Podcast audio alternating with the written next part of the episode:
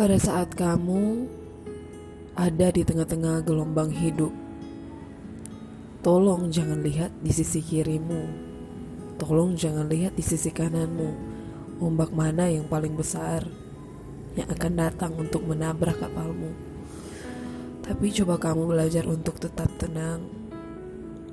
Ketika kamu belajar untuk tenang, coba deh angkat muka kamu ke depan kamu akan melihat Yesus dan di situ kamu akan sadar bahwa dalam satu perahu yang sama ada Tuhan Yesus beserta dengan kamu. Untuk kamu yang sedang mengalami kebimbangan hidup atau ketidakpastian hidup, tolong ya, jangan fokuskan diri kamu pada kebimbangan atau ketidakpastian hidup itu.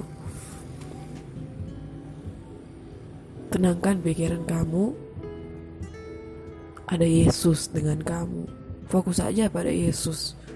Dia adalah sumber jawaban, bahkan adalah sumber jalan keluar, sumber segala sesuatu, sumber segalanya dalam hidupmu.